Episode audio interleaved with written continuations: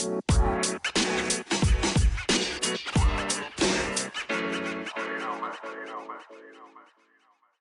sann, og velkommen til en ny episode av Fantasy Snackis. Endelig tilbake etter en FA Cup-helg. Mitt navn er Eirik Homan, og sitter her tilbake, jeg sitter her med min gode kollega Eirik Takse Meigerud. Hallo, hallo. Deilig å være tilbake. Endelig tilbake. Det har jo vært FA Cup, og det har jo vært ligacup. Og vi har blitt veldig mye klokere på hva som skjer framover, med tanke på Mm. blanks og double game weeks, så det skal vi snakke om. Og så har jo akkurat overgangsvinduet i januar stengt, så vi skal nevne hvilke signeringer som er interessante eh, for Fantasy Premier League. Og så skal vi nevne hvordan det gikk forrige runde. Så det er jo egentlig bare å sette seg ned, putte øretelefonen i øret og gjøre seg klar for ja, drøye times tid med litt god fantasy snackes. Og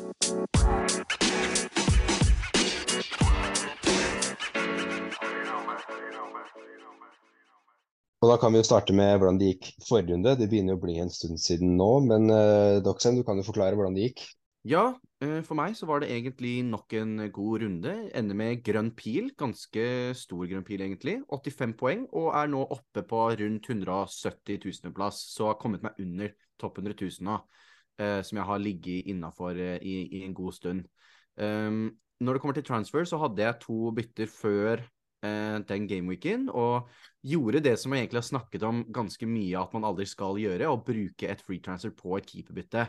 Eh, For jeg sto med Kepa som skulle spille mot Liverpool. Jeg hadde eh, egentlig Rett før jeg gjorde byttet, så hadde jeg lest så mye om eh, Newcastle og sett på stats av Newcastle og hvor gode defensive de var, så jeg ble frista til å bytte Kepa for Pope, da, bare fordi at jeg tror Pope eh, kom til å være mye sikrere fremover. Nå endte jo Kepa med å få ni poeng denne runden eh, mot Liverpool, eh, men jeg føler fortsatt at det var det riktige å gjøre. Pope fikk med seg et clean sheet og seks poeng. Um, og jeg føler meg sikrere med Pope uh, enn jeg gjorde med Kepa. Spesielt når jeg bytta ut en Newcastle allerede med Almiron, som jeg bytta inn for Mitoma på Brighton. Uh, Mm. Som jeg traff veldig på. Han får med seg ti poeng, skårte, og han har jo sett uh, fryktelig, fryktelig, fryktelig god ut nå. Det målet han hadde mot uh, Liverpool i FA-cupen nå, er jo, Ja, er er jo helt enorm. Uh, så føler jeg meg veldig at jeg har, uh, veldig bra at jeg har kommet meg på han um, allerede. Ellers i forsvaret mitt så Trippier han fortsetter å gjøre det han gjør, og henter inn eh, clean sheets og bonuspoeng. Så han er jo sånn self-sustained player. Han gjør jo bare sitter der og håver inn poeng. Mm. Eh, så hadde vi Gabriel Shaw som fikk 1 og 0 poeng, og det var jeg egentlig litt klar over at kunne skje. De spilte mot hverandre Mm. i Arsenal United. Um, men jeg vurderte Jeg sto med de istedenfor å gå med Bueno, Wolverhampton og Perot og Southampton, som er på benken min, da, for jeg følte at det var eh, større sannsynlighet for å få med noe fra Gabriel Shaw. Jeg hadde fått ett poeng mer hvis jeg spilte Bueno og Perot, så sånn sett så følte jeg ikke den var så ille. Ellers på midtbanen så er det egentlig fullt treff der. De Bruyne får med seg endelig målpoeng igjen, en assist. Rashford skårer igjen, fortsetter i det sporet han har vært i. Og Ødegaard får også med seg en assist, er det vel. Så veldig fornøyd der. Også i spissleddet gjør det veldig bra. Kane skårer igjen. Haaland får med seg hat trick nå. Kapteiner han. 34 poeng. Veldig, veldig bra, selv om det er mange som har han. Mm. Og så blanker Mitrovic, eh, som jeg er fortsatt litt lei av. Um, men ellers overall veldig god runde for meg, da. Jeg fikk jo bare fem poeng mindre enn deg, men jeg fikk Mm. rød pil, selv om jeg er veldig mye lavere plassert Det enn deg. er rart hvordan det fungerer. Altså. Men det er fordi jeg, jeg tror, eller jeg veit det er fordi jeg tok en minus fire. Ja. Det har noe å si, men likevel rart at jeg fikk rød pil i i Liverpool, Norge og Second Chance-ligaen, men fikk rød pil på Gameweek 1 og overall. Så den er litt rar. Eh, men ja, sånn fungerte det. Eh, 80 poeng som sagt, med minus 4 så blir det jo 76. Og minus 4 min var jo egentlig veldig nødvendig. Det var Cucurella og Foden ut for Ødegaard og Estupinan. Og traff veldig godt på Estupinan, som fikk 9 poeng. Hadde to assist eh, og to bonuspoeng. Selv om han Mm. eh, slapp inn to mål, så fikk han da 9 poeng, og det er veldig bra som forsvarsspiller. Det er deilig. Så, som du sa, Trippier. Eh, Shaw er også null poeng. Ramsdale ett poeng er veldig kjedelig. Mm. Eh, siden han fikk 11 poeng forrige runde, og så spiller han nå, så får han ett poeng. Det er veldig typisk. Ja. Eh, Ødegaard fikk assist når jeg henta han inn. De Bruyne assist.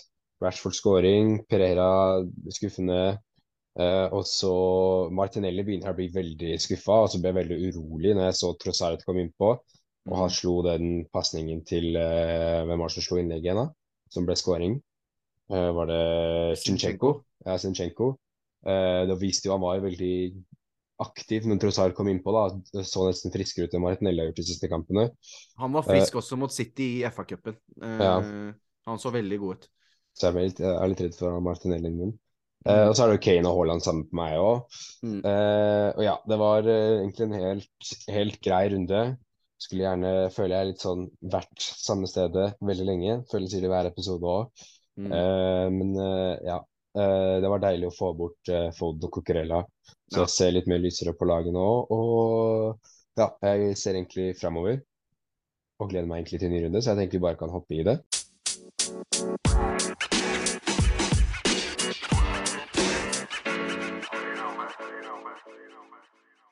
Og da er vi inne i vår uh, hoveddel. Og uh, i starten av Devon hoveddelen nå, så skal uh, vi gå gjennom litt rundene som kommer. For nå er det veldig mange blanks som kommer opp, som betyr at det er noen lag som ikke skal spille i rundene framover. Så Boman, kan ikke du ta oss litt gjennom det programmet nå som kommer? Ja, det er jo veldig mye som skjer framover nå i Fantasy Premier League og i Premier League. Mm. Eh, og det handler jo da om blank game weeks og double game weeks. Og for de som ikke veit det, så betyr blank game weeks at det er lag som ikke spiller. Så de har ikke kamper. Og så betyr double game weeks at de har to kamper i runde, så de får dobbelt så mye poeng, da. Mm. Uh, og da er det jo blank game week, er jo game week 25, 28 og 32. Uh, og så har vi da en double game week som nå kommer opp nå neste. Det er jo da Game Week 22. kommer det, Jeg spiller jo Leeds og Manchester United, har jo en double game week. Mm. Og så er det da en double game week runden etter der igjen, som er Game Week 23. Da har vi Arsenal og Manchester City, som har en double game week. Eh, de spiller jo da mot eh, Arsenal har Brentford og City, og eh, City har Aston Villa og Arsenal. Så Mm. det er de to nærmeste double game weeksene som kommer opp. Og som jeg sa tidligere da, at det er en blank game week som er i Game Week 25 også.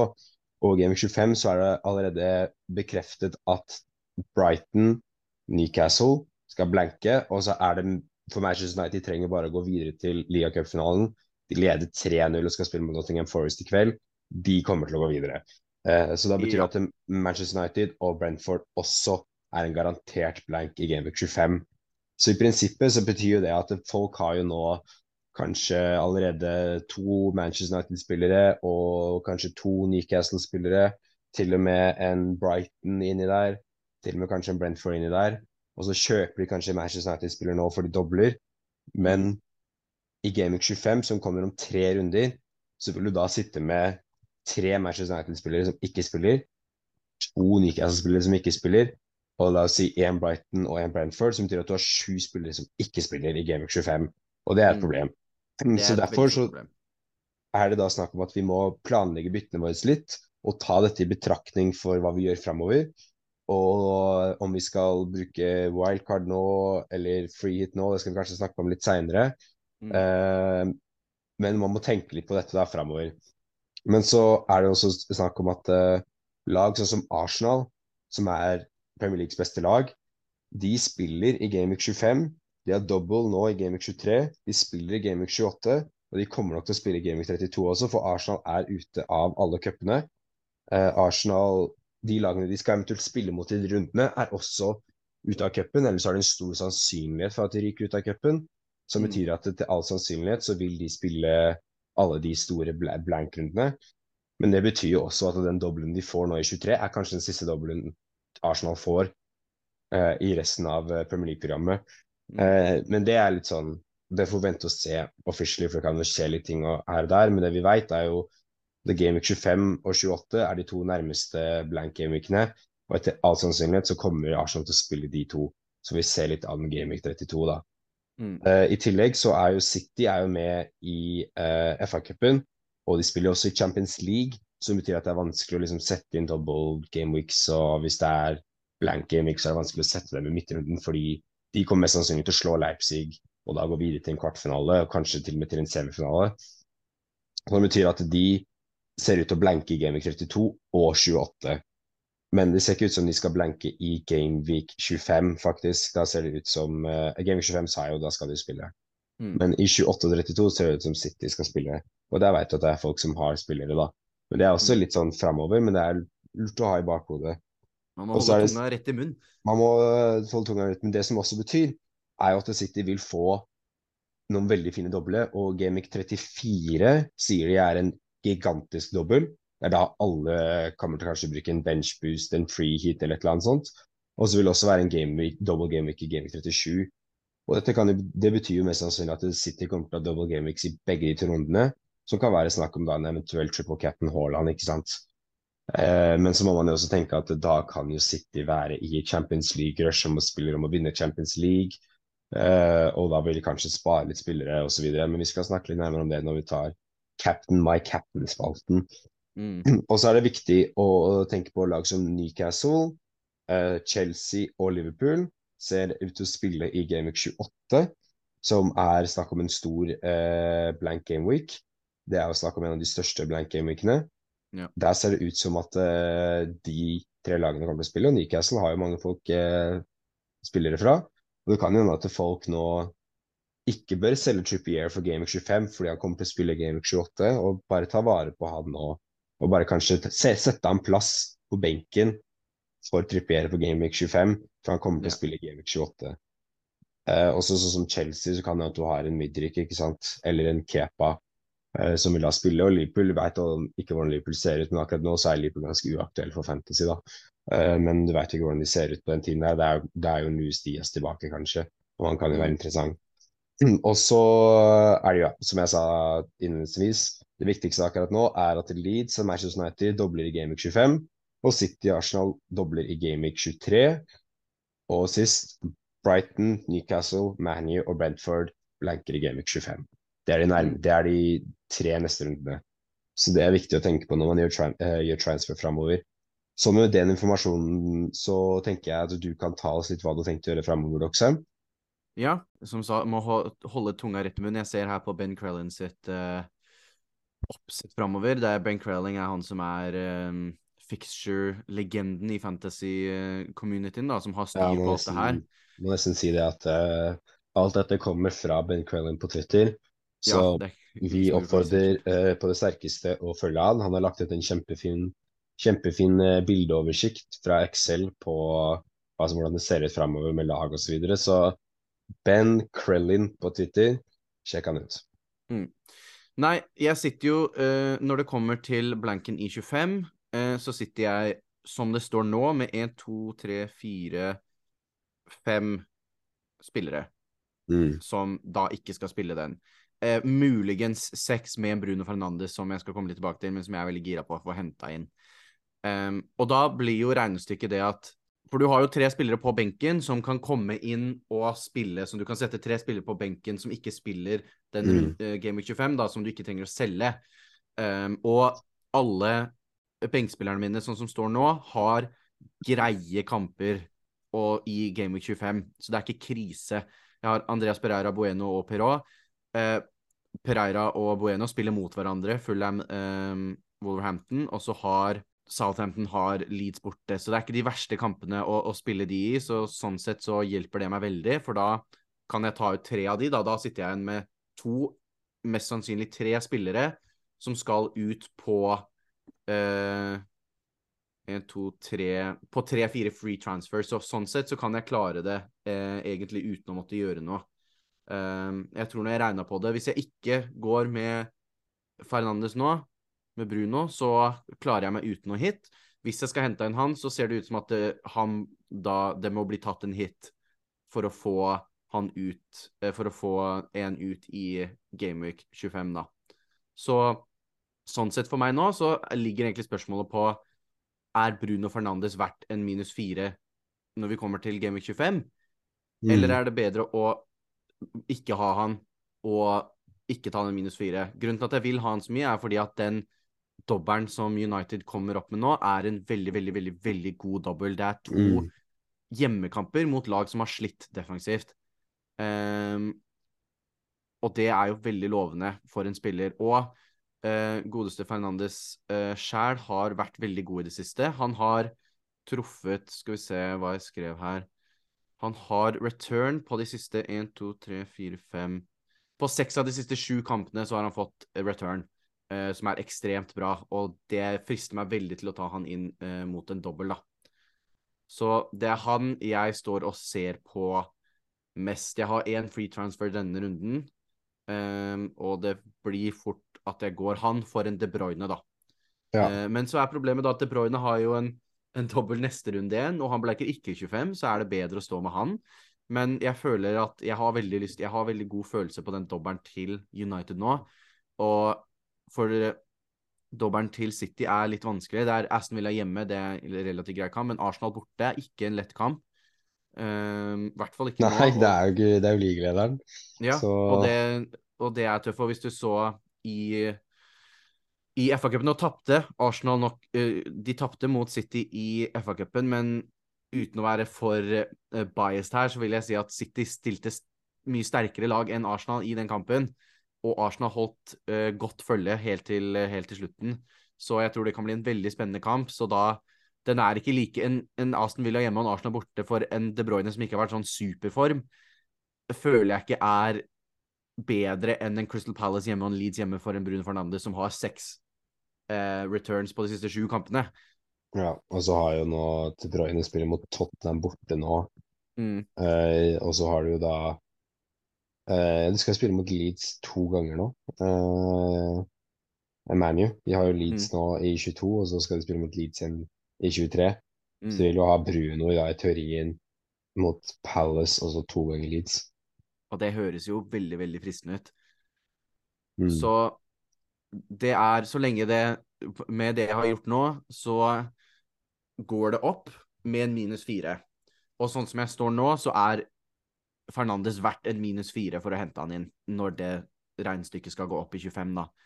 For jeg syns det er for tidlig å bruke eh, wildcard eller noe sånt eh, i 25, så jeg vil helst komme meg unna med så lite uh, min, eller få hits som mulig, da, og selv om klare meg. Selv når jeg har en benk som har greie kamper, og det ikke er så mange lag. For når, hvis jeg bruker en free hit der, da, når vi kommer til 28 og 32, uh, så er det veldig mange flere lag som blanker, og da er det mye vanskeligere å stille lag. Og Mm. derfor er det mye bedre å spare de til når du trenger de mer, da. Jeg føler ikke at de fleste kan komme seg unna relativt greit uten å måtte bruke en chip eh, til denne Gaming Gameweek 25, da. Så jeg føler at det er litt eh, bortkasta å bruke den. Ellers så var jeg inne på tanken om å bruke bytte på å få ut Mitrovic for Enketia, bare fordi at eh, jeg, hadde, jeg har veldig lyst til å ha eh, Enketia og, og triple til Arsenal for eh, deres dobbel gameweek, da. Og Enketia har sett veldig bra ut. Jeg har vært litt skuffa med Mitrovic, men Fernandes ser ut til å være mye mer interessant i mine øyne akkurat nå, da. Ja. Så det er egentlig uh, uh, planene mine framover. Uh, med mm. Game 25, så hva er det planene dine? Ja, samme som deg. Jeg har veldig lyst til å gjøre De Bruyne til Bruno. Eh, for alle de grunn- grunnene du har sagt. Så jeg er helt enig med alt du har sagt, og har veldig lyst til å gjøre det samme. Problemet mitt er bare at hvis jeg gjør det, så må jeg spille Andreas Pereira eh, mot Chelsea borte. Eller eventuelt en Mikolenko eh, Arsenal hjemme. Som jeg egentlig Jeg hadde egentlig lyst til å kvitte meg med Mikolenko lenge nå, men nå, som Sean. Dyche er ny Everton-trener Å, fy fader, den bussen kommer til å bli parkert så sinnssykt hardt hjemme mot Arsenal, og så sinnssykt hardt borte mot Liverpool. Og så har de Leeds, Aston Villa på hjemmebane og Force og Brentford i det neste. Så jeg har troa på Mikolenko nå. Han eh, skal ikke selge.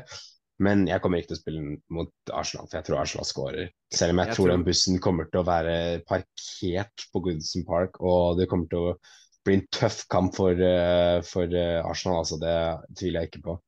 Det hadde jo egentlig vært veldig, veldig bra for Arsenal om de venta en runde med å sparke Ja. Frank Lampard. For det er som du sier, jeg tror den bussen kommer til å være parkert inne i mål, altså. Ja, det bli og det er typisk sånn der lag med nye trenere. Da blir plutselig laget ti ganger bedre av en eller annen grunn. Da er det sånn masse, masse motivasjon og lyst til å vise seg fram og Han har jo halve. Burnley-laget sitt der Ja, allerede. og det er jo Tarkovsky, McNeil, eh, gode fotballspillere i Everton òg. Så Lampard har jo bare ikke fått ut det beste av de gutta. Det er mange gode Nei. fotballspillere der. Og de bør jo ikke ligge på nedrykksplass, det laget til Everton. Nei, Eh, det er kanskje litt eh, Jeg vet ikke om det er kontroversielt å si engang, men Frank Lampard er kanskje ikke så god trener som han var spiller. nei, Kanskje han eh, gjorde det bra med Derby og så dårlig med Chelsea og Everton. Han er ikke, han er ikke er championship-trener, rett og slett. Ja, jeg føler Jeg så noen snakke om at han har fått litt for um, kort vei. Det, når du ser på alle de andre, til og med Ja. spillertrenere, sånn som Patrick Vieira, da. Han har vært i han har vært uh, assistenttrener Han har vært i trenerteamet i City, han har vært i uh, USA, i New York City. Eh, han har vært i NIS i Frankrike, og så kommer han til Premier League. Mm. Uh, mens Frank Lampard var i, i Derby, og så fikk han Chelsea-jobben. Nå skal det sies, jeg hadde også tatt den jobben hvis jeg var Frank Lampard og Chelsea var sånn Vil du ha jobben? Uh, så det er kanskje litt feil. uh, Og Chelsea å gi 100 han den millioner kroner. Ja, uh, men han, veien har nok vært altfor kort. Han må nok gå gradene litt mer. Uh, se, så kan det godt hende om fem-ti år at han er en kjempegod trener, men det er ikke det nå. Ja, så Det er jo enten snakk om å spille Pereira eller Mikolenko. Mm. Hvis jeg velger å gjøre De Bruyne til, uh, til uh, Bruno. Så jeg føler liksom ikke det, det brenner ikke så veldig akkurat der. Nei. Og så ble jeg utrolig gira når jeg så Mudrik spille mot Liverpool. Han så jo helt vanvittig ut. Uh, så jeg vet det sårer deg litt å si det, for jeg skal egentlig ha sånn agenda mot Mudrik nå. Eh, så jeg syns det Jeg syns han så utrolig utrolig god ut, og jeg har egentlig veldig lyst til å ha, eh, veldig lyst til å ha, ha Mudrik. Eh, så jeg hadde egentlig tenkt å gjøre Martin Martinelli til Mudrik når etter at jeg så den kampen. Mm. Men jeg var jo var ikke så naiv og gjorde det byttet. Og nå ser jeg at jeg kan jo ikke Det er ikke noe poeng å ta inn en Mudrik nå når det, når det brenner andre steder i laget, og jeg kan ta inn folk som har double game week. Da er det kanskje ikke det beste å ta inn uh, Sammen med Martinelli har en double gameweek neste runde, uh, og han spiller i gameweek 25, så er det liksom sånn Det er kanskje ikke der jeg bør selge. Nei, det er Eh, andre steder som trenger mer uh, ja, da. Det er litt sånn tullebytte, egentlig. Det er litt mer sånn Det hadde vært veldig moro å gjøre bytte, men det er litt sånn tullebytte, egentlig. Mm. Uh, men jeg er litt stress. Jeg vil egentlig få ut Martinelli litt fordi eh, jeg er redd for Trossard skal eh, skal eh, ta, ta mye minutter fra han, da. Mm. rett og slett. Nå som Niketa skårte Niketa, Nketia skårte to mål, så ser det ut som den spissplassen er hans. Ja. Jeg trodde jo kanskje at Trossard skulle komme inn og ta minutter fra Niketia. litt fra Saka, litt fra Martinelli, men kanskje mest fra Niketia. da. Mm. Men nå ser det ut som det faktisk kan Martinelli og Saka det kan gå utover, da, og så kanskje Alvor Hares for Martinelli. Eh, Ja. Så, så Men jeg kommer til å beholde Martinelli litt framover, for jeg føler ikke det er der hvor det brenner akkurat. Det er, ikke, det er litt tullebytte. Så da er det siste jeg står mellom, er jeg har jo Sam Greenwood som tredje bytte, og jeg kan gjøre han til Gnonto, rett og slett, Mm. på Leeds. Han er jo den alle snakker om fra Leeds. Hvis det er noen som skal fra Leeds i double game week, så er det Gnonto. Det Mm. sier jo alle sammen. Han koster fem blank og kommer til å spille. Hadde et nydelig mål i cupen eh, og er i form. Så hvis jeg tar inn han, så kan jeg spille han istedenfor Andreas Pereira. Og så vil jeg også ha tre spillende spillere på benken som jeg da kan hjelpe meg da mot Gameweek 25, da. Ja. Uh, så ja, og da vil jeg ha tre, tre Arsenal og to City i double gameweek neste runde. Som er uh, ganske, ganske deilig, egentlig. Selv om de spiller mot hverandre. Mm. Um, men det, det er litt tøft å gå uten Bruno, syns jeg. Det er litt, uh, Ja, det er litt iffy. Det er skummelt, veldig skummelt. Så det er jo egentlig litt planene mine framover. Uh, og apropos Mudrik, så har det jo skjedd mye i Premier League, som vi sa i innledningen. Det har jo vært uh, transfer window. Det Mm. har jo vært eh, overganger i Premier League, fra Premier League, i Premier League, fra utlandet inn i Premier League. Alt mulig rart. Chelsea har brukt eh, millioner av kroner, milliarder av kroner. Et halvt norsk statsbudsjett. Ja. Eh, så kan ikke du fortelle oss litt om hvilke nysigneringer i Premier League som er kanskje mest aktuelle for Fantasy, da? Det skal jeg gjøre, vet du. Da skal jeg ta dere med inn i Fantasy Snakkes eget overgangssenter.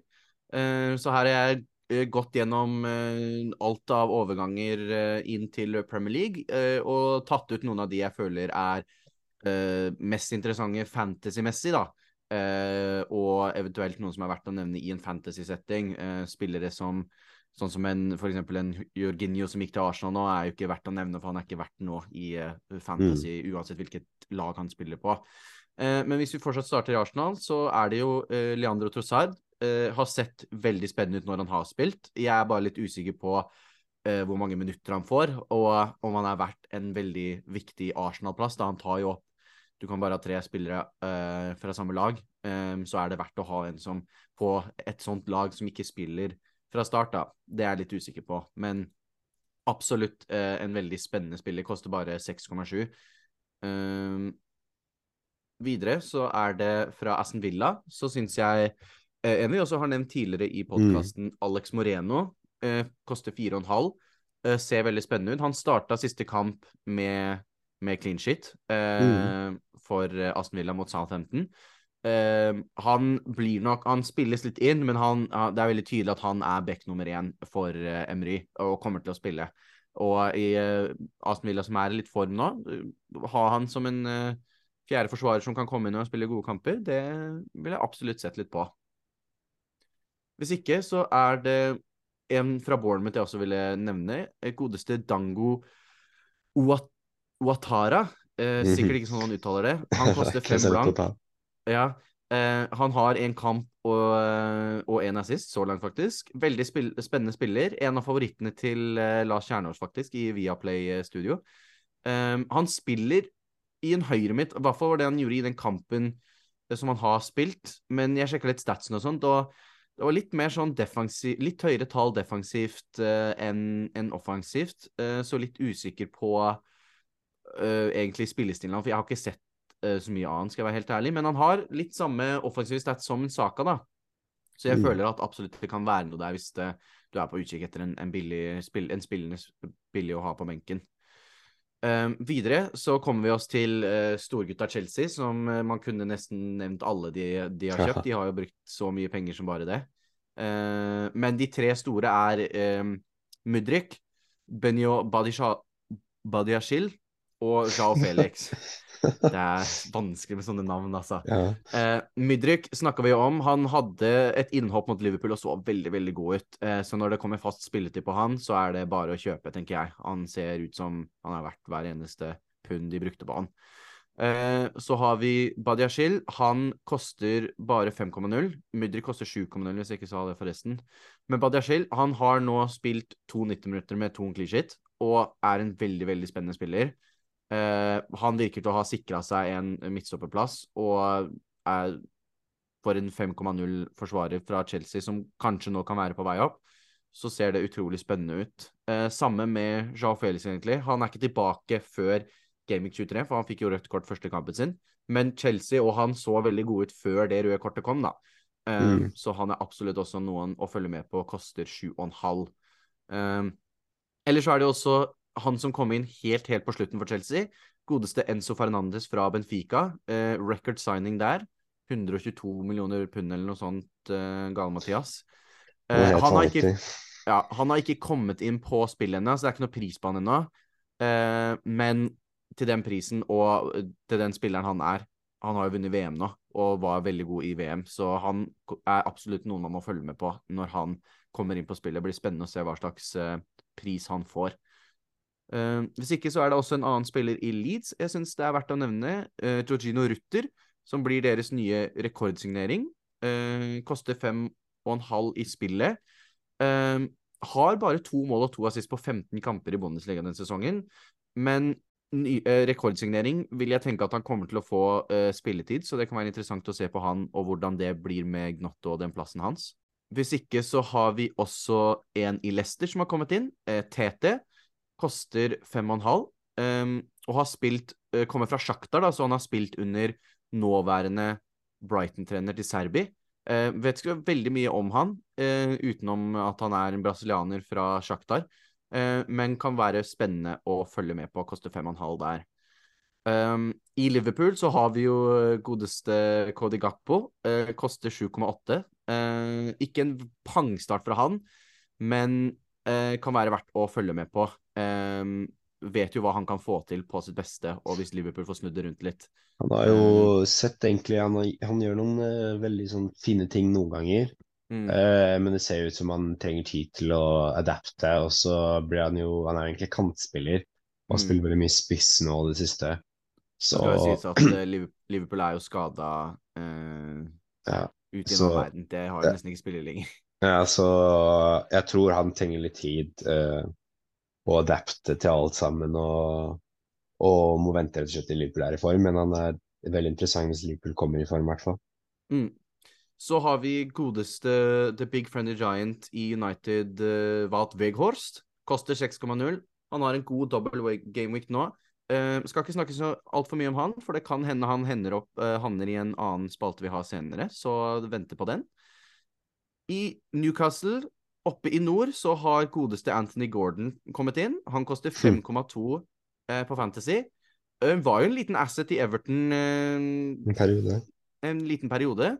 Uh, ikke fått til sånn altfor mye nå, men nå kommer han til en klubb som er i desidert mye bedre tilstand og kan uh, spille litt mer kreativ, offensiv fotball da, enn det han uh, gjorde i, i Everton og hadde fått gjort i Everton med den nye treneren òg. Så han kan være det interessant.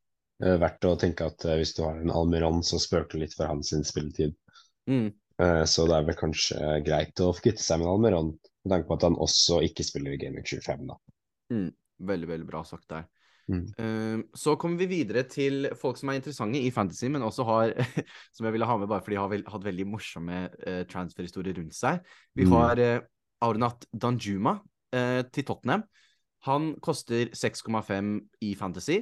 Um, og vet ikke sånn utrolig mye om han, sjekka litt stats på han. Ikke sånn veldig imponerende, men det moro med han var at han var klar for Everton. Han var, hadde vært i Liverpool, tatt bilder med, i, i Everton-drakt uh, for, medie, uh, for media, og så dro han tilbake til London, for han bodde på hotell der, og da bare tok Tottenham kontakt, og siden han var så nærme, så bare ja, de tok over, og så nå har han gått til Tottenham.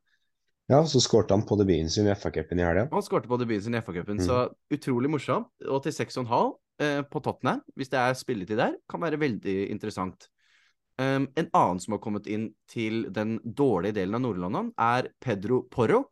Um, han er også ikke på spill ennå, så ikke noe um, pris på han ennå. Den kan være uh, interessant, den prisen her, altså, fordi uh, Hvis den er som sånn høyre- 4,5-typ, så kan det ja, være veldig høyre wingback på Tottenham, eh, med tanke på at de har kvittet seg med Mert Arteri og og Emerson Real er Emerson Real. eh, Mm. så er det en eh, veldig, veldig interessant pris å, å se hva det blir, faktisk. Mm. Og eh, han har også en litt historie med en annen som har kommet inn dette overgangsvinduet i Premier League. Det er nemlig rykter om at kjæresten til Jao Felix var utro med Felix med Pedro Porro. Og Tottenham og Chelsea møter hverandre i Game of 25, så her kan det bli både fyr og flamme. eh, hvis begge de spiller da. Så det hadde vært utrolig morsomt å fått litt eh, beef mellom de. Ja, og han Eh. har faktisk kommet ut til fem blank. Han har kommet ut til fem blank. Mm. Jeg hadde håpa på en fire og en halv der, men uh, fortsatt, hvis han um, Høyre uh, wingback under Conte er jo alltid interessant hvis, ehm, hvis de får spille og Tottenham kommer seg litt rundt igjen. Ja, Eh, så følg med på Tottenham sin lagoppstilling til helga. Uh, Yes. Det tror jeg kan bli spennende å se med han Anjuma og Pedro Poro, faktisk. det blir uh, veldig interessant. Og bare ta med en liten fun fact også der på spilleren du nevnte, Matt Doherty. Um, han skulle egentlig på lån ut til uh, Atletico Madrid, men så, eh, mens de holdt på med den dealen, så fant de ut at de har for mange spillere ute på lån. Det er noen nye regler om at du bare kan ha det var sju eller åtte spillere ute på lån samtidig.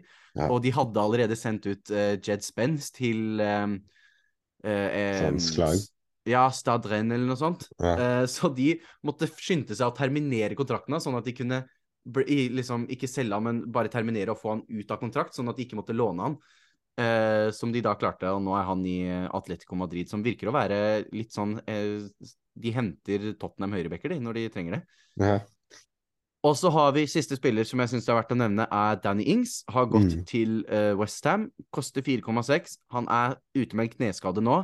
Eh, men han Du vet jo alle hva Danny Ings kan få til når han er på sitt beste. Og med denne overgangen så fullfører han det jeg har valgt å kalle The Claret and Blue Challenge, med å spille for alle de lagene i øverste profesjonell eh, ligaene i det engelske ligasystemet, eller um, ikke profesjonell, men IFA, engelsk Football League, altså League 2, League 1, uh, Championship og med Premier League, da. For han har spilt nå for både Burnley, Aston Villa og Westham, som alle spiller i Claret Red, som er vinrød og blå drakter.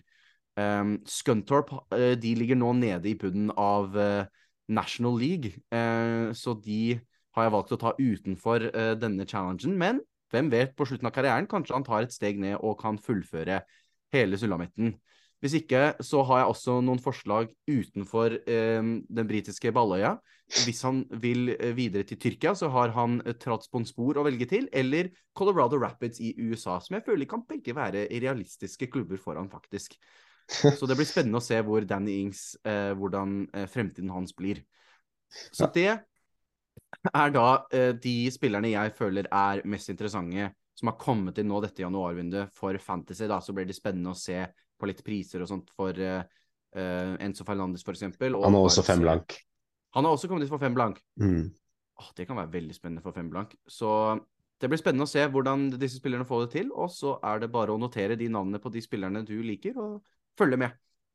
Ja, det er veldig mye spennende. Jeg syns det mest spennende er kanskje Mudrik og Pedro Porro. Ja. Uh, Mudrik på Chelsea og Pedro Porro på Tottenham. De syns jeg, jeg kanskje burde følge ekstra nøye med. I fantasy-sammenheng syns jeg de er nok best. Ja, og så syns jeg Alex uh, Moreno også på Aston Villa kan være en fin liten jente i 4,5. Men det var kjempebra, kjempebra gjennomgang av uh, nysigneringer.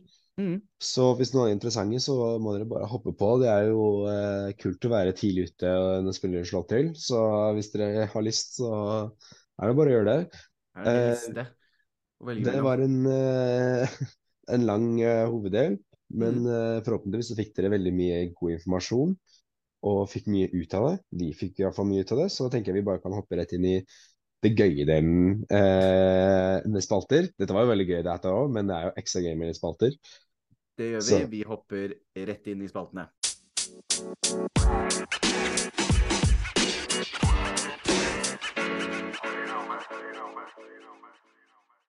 Og da er vi inne i vår siste del i podkasten, nemlig våre faste spalter. Og i dag starter vi med godeste Captain My Captain. For uh, denne runden er det faktisk uh, en god kapteinsdebatt. Uh, så hvorfor kan ikke du snakke litt om dem, Boman? Jo, det er jo fordi Manchester United har jo double game week, mm.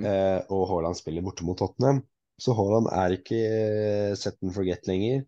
Nå er det eh, snakk om du skal triple-cappe eller bare kjøre vanlig cap på Rashford eller en Bruno f.eks.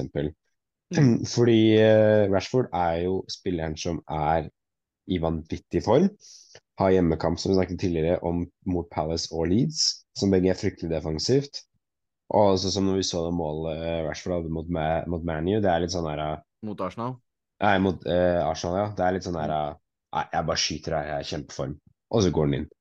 Eh, og slår vel luka først der, gjør han ikke det? Eh, jo, etter, han, han, han, gjorde noe veldig bra, i hvert fall. Jeg husker ikke om det var luka akkurat, men han var veldig god før det. Ja, så um, han er spiller som er i kjempeform, og det er et veldig godt argument eh, for å ta en triple cap for, på Rashford.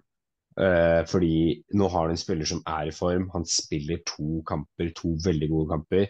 Og mange har jo tenkt jeg skal bruke triple capen på Haaland. Mm. Men som vi sa tidligere, Haaland har nå en dob eh, eh, neste runde mot, eh, mot Aston Villa og Arsenal. Og det er jo ikke to lette kamper som vi snakket om. Og så mener jeg at det er Nei, det er ikke det. Eh, glem det jeg sa. Men i hvert fall han har en dobbel, eh, der som folk kanskje flytter seg til han eh, triple cap'n. Og så må vi tenke, når Haaland får en dobbel seinere, så kan det faktisk være mer aktuelt å bruke da en benchboost, eventuelt en free hit, for å stable opp et lag med masse double gaming-spillere, enn å bruke da den chipen på, på uh, en triple captain. Så det kan jo hende at triple captain Rashford er den mest aktuelle. Uh, men om man tør det, det er jeg fortsatt litt usikker på om jeg tør å gjøre det. For jeg er litt redd for å brenne meg på det, og så får Haaland en en fin dobbel, og det er litt sånn ah, Så alle andre triple capper Haaland, og så skårer han fem mål på de to kampene. Eh, da det, det svir. Så uh, jeg er litt sånn tilbakeholdende. Hvis ikke så er det jo, hvis man har Bruno eller Rashford, så tenker jeg at det er morsomt hvis du vil gamble litt og kjøre en Bruno, for han kan fort også få med seg en god del målpenger i, i de kampene, altså. Eh, mm. Så hva tenker du? Nei, jeg står jo veldig på nå egentlig at jeg kommer til å triple cap det denne runden. Enten Rashford eller Fernandes hvis jeg henter han inn. Det har jeg ikke helt bestemt meg for. Men Jeg har sett argumentene også med at Haaland kan få en bedre double gaming senere, og, og, det er sikkert sant. Og hadde vært Hadde Rashford og Haaland vært i, liksom, på sin beste form og begge hatt de samme kampene nå, så hadde jeg triple capta Haaland overfor Rashford. Men faktaene er at Rashford nå har kanskje en av de beste doblene du kan be om. Han er i form. Jeg visste ikke han kanskje er ligaens beste formspiller akkurat nå.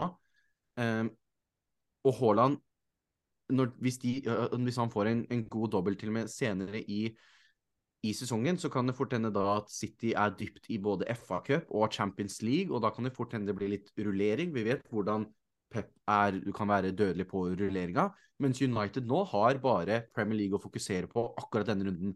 Ja, de har en FA-cup nei, den kampen mot Nottingham Forest kommer til og med før denne runden, gjør den ikke det? Uh, Man i Nottingham Forest? Ja. Uh, den i ligacupen? Er det ligacupen de har? Ja, de, de spiller i ligacupen i dag. Er det FA-cupen er ute, da? Uan... Har jeg sett feil, da? Hva Uansett. tenker du? Ja. Um, nei, altså, de er ikke like De har ikke Europa å tenke på. Uh, de er nå fokusert på på Premier League akkurat nå. fordi den kampen de har i, i cupen nå mot uh, Nottingham Forest, den, det er en andre, andre kampen i en kamp de allerede leder 3-0 i sammendraget, da. Uh, for det, det, var det de fikk sist gang, var det ikke det? Jo, altså nå ser jeg på lagstillingen Rashford er på, på benken i dag. Han blir vilt. Nettopp. Han, Men Bruno være... Fernandez spiller. Mm. Men Rashford han skal være klar til uh, runden som kommer nå, og jeg, jeg, jeg er veldig gira på å få Fordi jeg vil heller satse uh, kortene mine på et, noe jeg fysisk vet nå, dette er faktaene til Rashford, og de ser veldig bra ut, enn å gamble på at det muligens kommer noe som er bedre for Haaland. Mm. For det kan fort hende ikke skjer også. Så jeg tror jeg kommer til å triple cap denne runden. Så er det bare da å finne ut om det skal være Rashford, eller om det blir Bruno som kommer på. Ja, det er veldig gode argumenter, og jeg forstår det veldig godt. Så ja, det kan at jeg gjør det også, men jeg alltid Jeg vet ikke. Det er gammel uh, gammel uh, fantasy-spilleren i meg som ja, må vente med triple cap til slutt. Men noen ganger så er det bare deilig å få brukt chipene når det er en god mulighet, så Ja, liksom, så venter du, da. Så venter du for lenge, og så ender du opp med å bruke den på en dårlig sjanse bare fordi du må bruke den. Ja. Det frister litt å bruke den på Haaland neste runde òg, faktisk. Mm. Fordi de spiller ja, ikke... da søndag mot Aston Villa, og så spiller de da onsdag mot Arsenal, så Haaland kommer nok til å spille begge de kampene. Da er det fokus på å vinne de to kampene for å ta ligagull. Da er det ikke noe fort... Champions League inni der. Nei, man kan fort mm. få med seg, få med seg det også. Uh, mm. Så det, det, det, er Man må gamble på noe, rett og slett. Så bare følge magefølelsen og ta det man tror man får mest igjen for. Ja, det var veldig bra. Da kan vi hoppe inn i vår andre spalte, som er jokere.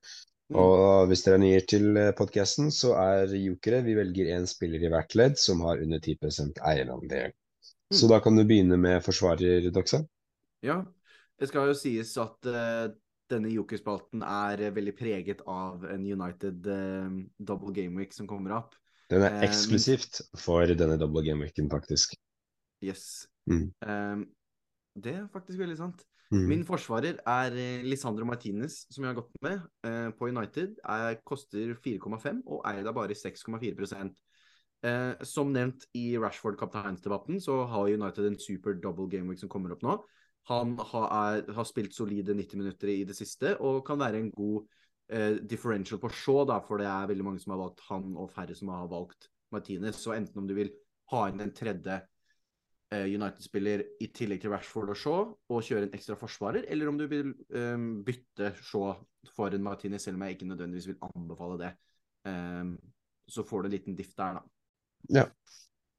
Da, den jeg har valgt som forsvarer, det er Varan på Manchester United.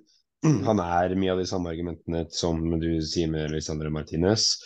Uh, men han koster kun 4,8 og er eid av 3,2% uh, Spiller alle kamper til ManU. Han er farlig på dødball. Du sa det. Double game week med Palace og Leeds. Lukter to clean shits. Han er en, uh, en fin joker uh, i, i forsvarsleddet for Manchester United. Nesten litt at han er eid av uh, nesten 3% mindre, men han koster jo 0,3 mer, da, så kan det er litt lettere å komme seg til 4,5. Ja. hva med midtbanen? Hvem er din midtbanespiller? På midtbanen din så har jeg en som jeg har nevnt tidligere. Det er Bruno Fernandes på United. Han koster 9,9 eh, som er billig for det han pleide å koste i tidligere sesonger. Eh, men han er fortsatt eid av under 10% bare 9,1 eier han. Eh, og som jeg har nevnt tidligere, han har fått eh, return på, i seks av de siste sju gameweeksene, som er egentlig ganske sykt. Eh, super double gameweek, lover for høye summer, eh, United er i form. Det eneste man må tenke på oppi alt det her, er, det gjelder alle United-spillerne, er å passe på at du har en plan for blank i gameweek 25, da. Mm, Den jeg har valgt, det er faktisk en gammel kjenning. Det er Jack Harrison fra Leeds. Oh. Også double game week. Eh, han koster bare 5,8, eid av 1,5% Så jeg vet alle hvor god han har vært før, men han har jo slitt mye i år, da. Eh, han skåret sist i cupen, og han fikk med seg 90 minutter eh, i forrige ligakamp. Så er han inn, tilbake i laget. Det tror jeg, men eh, han er en Han var på vei til Leicester eller noe sånt, da. Nei, men han eh, ble værende i Leeds. Mm. Uh, så eh, han er, han er en joker og han er en gamble uten tvil. Mm. Uh, han er dobbel da mot Nottingham Forest og Manchester United, så det er, han er en fin punt hvis man vil ha inn en fra Leeds på midtbanen. da. Eh, og, de, ja, og de spiller jo nå i Gaming 25 også, så han er, han er, han er grei, syns jeg. Ja, Det er, passer perfekt til denne spalten. Ja, og da har vi da siste, det er angripere. Som er din angriper? Eh, på angrepsplassen så har jeg valgt godeste Wilfried Gnotto. Eh, jeg tror det er sånn man uttaler det, det er jeg også veldig usikker på. Eh, han spiller på Leeds, eid av eh, 1 og koster 5,0. Eh, kan være en fin liten joker å hente inn i double game week eh, hvis du er på utkikk etter eh, å få inn en som har dobbel nå, og så er han såpass billig at du kan sette ham på benken. Han trenger ikke spille hver runde, men hvis du vil gå ned til to, to angripere, da, så er det greit å få han inn nå. Så du får med en dobbel, og så kan du benke han og spille han i de kampene hvor Leeds har gode kamper. Så Ja. en, en god liten joker. Eh, Den jeg har valgt sammen med, det er Wolt Weghorst fra Manchester United. Eh, koster bare 6 blank. Er den 1 er spissen til Manchester United. Så det er jo veldig godt å ha lag som ligger på, driver på fjerdeplass nå i Premier League. Uh, Newcastle gikk vel forbi dem forrige runde. Ja. Uh, og de er eh, Men det er fortsatt spissen der. Han ser ut til å ha fått en spissposisjon. Og Martial tilbake på benken i dag da, i cupen. Så vi får se hvordan det går. Men jeg mener at uh, Vegårs kommer til å spille for Manchester United. Jeg tror Ten Hage er veldig fan av han. Ja. Uh, og passer inn i måten han vil spille fotball på. Eh, så han vil nok spille i begge kampene i double game week. Uh, fikk en scoring eh, sist i cupen, så kanskje det vil være en ketsjup-effekt som kommer nå. Skåringene begynner å renne inn, hvem vet? Han er i hvert fall en joker, så for de som har lyst til å gamble litt og har en tredjespiss man har lyst til å oppgradere til, eller nedgradere til for å hente penger, så kan Veggos være din joker. Supert. Det Mhm. var eh, veldig gode jokere, syns jeg. Uh, så da kan vi rett og slett hoppe til siste spalte i episoden, som er alles favoritt Eirik mot Eirik. Mm. Eh, og nå er det vært en stund siden, men bare for å oppsummere, sist runde så var temaet eh, Short Kings, altså spillere under 1,75. Eh, da endte jeg opp med å velge etter en kontroversiell eh, avgjørelse fra VAR-rommet på trippieren min, eh, med å gå med Podence fra Wolverhampton. Han ender på solide ett poeng, så ikke veldig bra for meg der. Du, Boman, du valgte Mohammed Salah fra Liverpool, eh, som endte på tre poeng. Ja. Så du fikk to poeng der. Da, det gjør totalen til at jeg er på 55 poeng, og Boman er på 37 poeng, så henta inn to poeng der, altså. Så da har vi rundens tema er i tema med episoden januar nysigneringer, altså spillere som har kommet inn til Premier League denne, dette overgangsvinduet. Um, og siden jeg fikk dårligst poeng som sist, så er det jeg som velger først. Um, og dette er kanskje en av de gangene hvor jeg har slitt mest med å velge uh, hvem jeg har lyst på i denne spalten mest. Jeg så jo først på Mydrik, for han så veldig, veldig god ut. Uh, men det at uh, Veghorst har en dobbel eh, kommer nå tenker, Da tenker jeg nesten sånn Ja, kanskje Mydrik er bedre, men får Veghorst mer poeng på en dobbel? Så Mm. jeg lurer på om jeg må bare ta et valg her og gå med Jeg går med Mydrik, jeg. Æsj, det var den jeg hadde egentlig mest lyst på å velge, for det er som sikkert jeg kan ha den på laget mitt, så jeg har lyst til å ha den på i hvert fall den spalten her. Jeg er Så jeg hadde egentlig mest lyst på Mundrik, men eh, ja, da må jeg tenke annerledes. Og det frista litt egentlig å velge Gakpo litt først og ikke har noen Liverpool-spillere på Fantasy, så det har vært greit å ha hatt, hatt en på den spalten som jeg kan heie ekstra på. Mm. Og de spiller mot Wolverhampton, uh, så jeg har litt lyst til å velge Gakpo. Hvis ikke så tenkte jeg jo på Alex Moreno, som har en hjemmekamp mot Leicester, som er interessant. Og så er det jo også da så klart uh, godeste bort til Veghorst. Mm. Eh, jeg må nesten bare ta et valg, og da velger jeg eh, Da tror jeg jeg velger Alex Moreno på Leicester. På Aston Villa, som spiller mot. På Aston Villa mot Leicester. Supert. Mm. Da er det altså Jeg har valgt eh, Mudryk på Chelsea, og du har valgt Alex Moreno på Aston Villa. Så da blir det spennende å se hvem som kommer ut seirende fra denne runden av Eirik mot Eirik. Og da er vi jo i verdens ende av denne podkasten her. Mm. Det har vært en, eh, en ære og eh, moro å sitte her og prate med deg, Doxham. Samme, samme. Deilig å være tilbake. Deilig å være tilbake. og Dette var en lengre episode enn tidligere. Men håper likevel at dere har eh, kost dere mens dere har hørt på oss prate om fantasy. Og dere har jo fått veldig mange gode råd, håper vi, om Mm. hva som skjer framover, og nysigneringer og kapteinsvalg. Så vi håper at dere koste dere og ble klokere, og er klare for en ny runde med Fantasy Premier League. Og vi ønsker dere masse lykke til. Husk deadline er på fredag, ikke lørdag. Så husk fredag halv åtte, da er deadline. Mm. Så ha det godt, alle sammen. Ha det, ha det. Husk på å følge oss på Instagram og Twitter også. At Fantasy snakkes der, bare så vi får plugga den. Og så masse lykke til, alle sammen. Så snakkes vi neste episode. Ha det, ha det.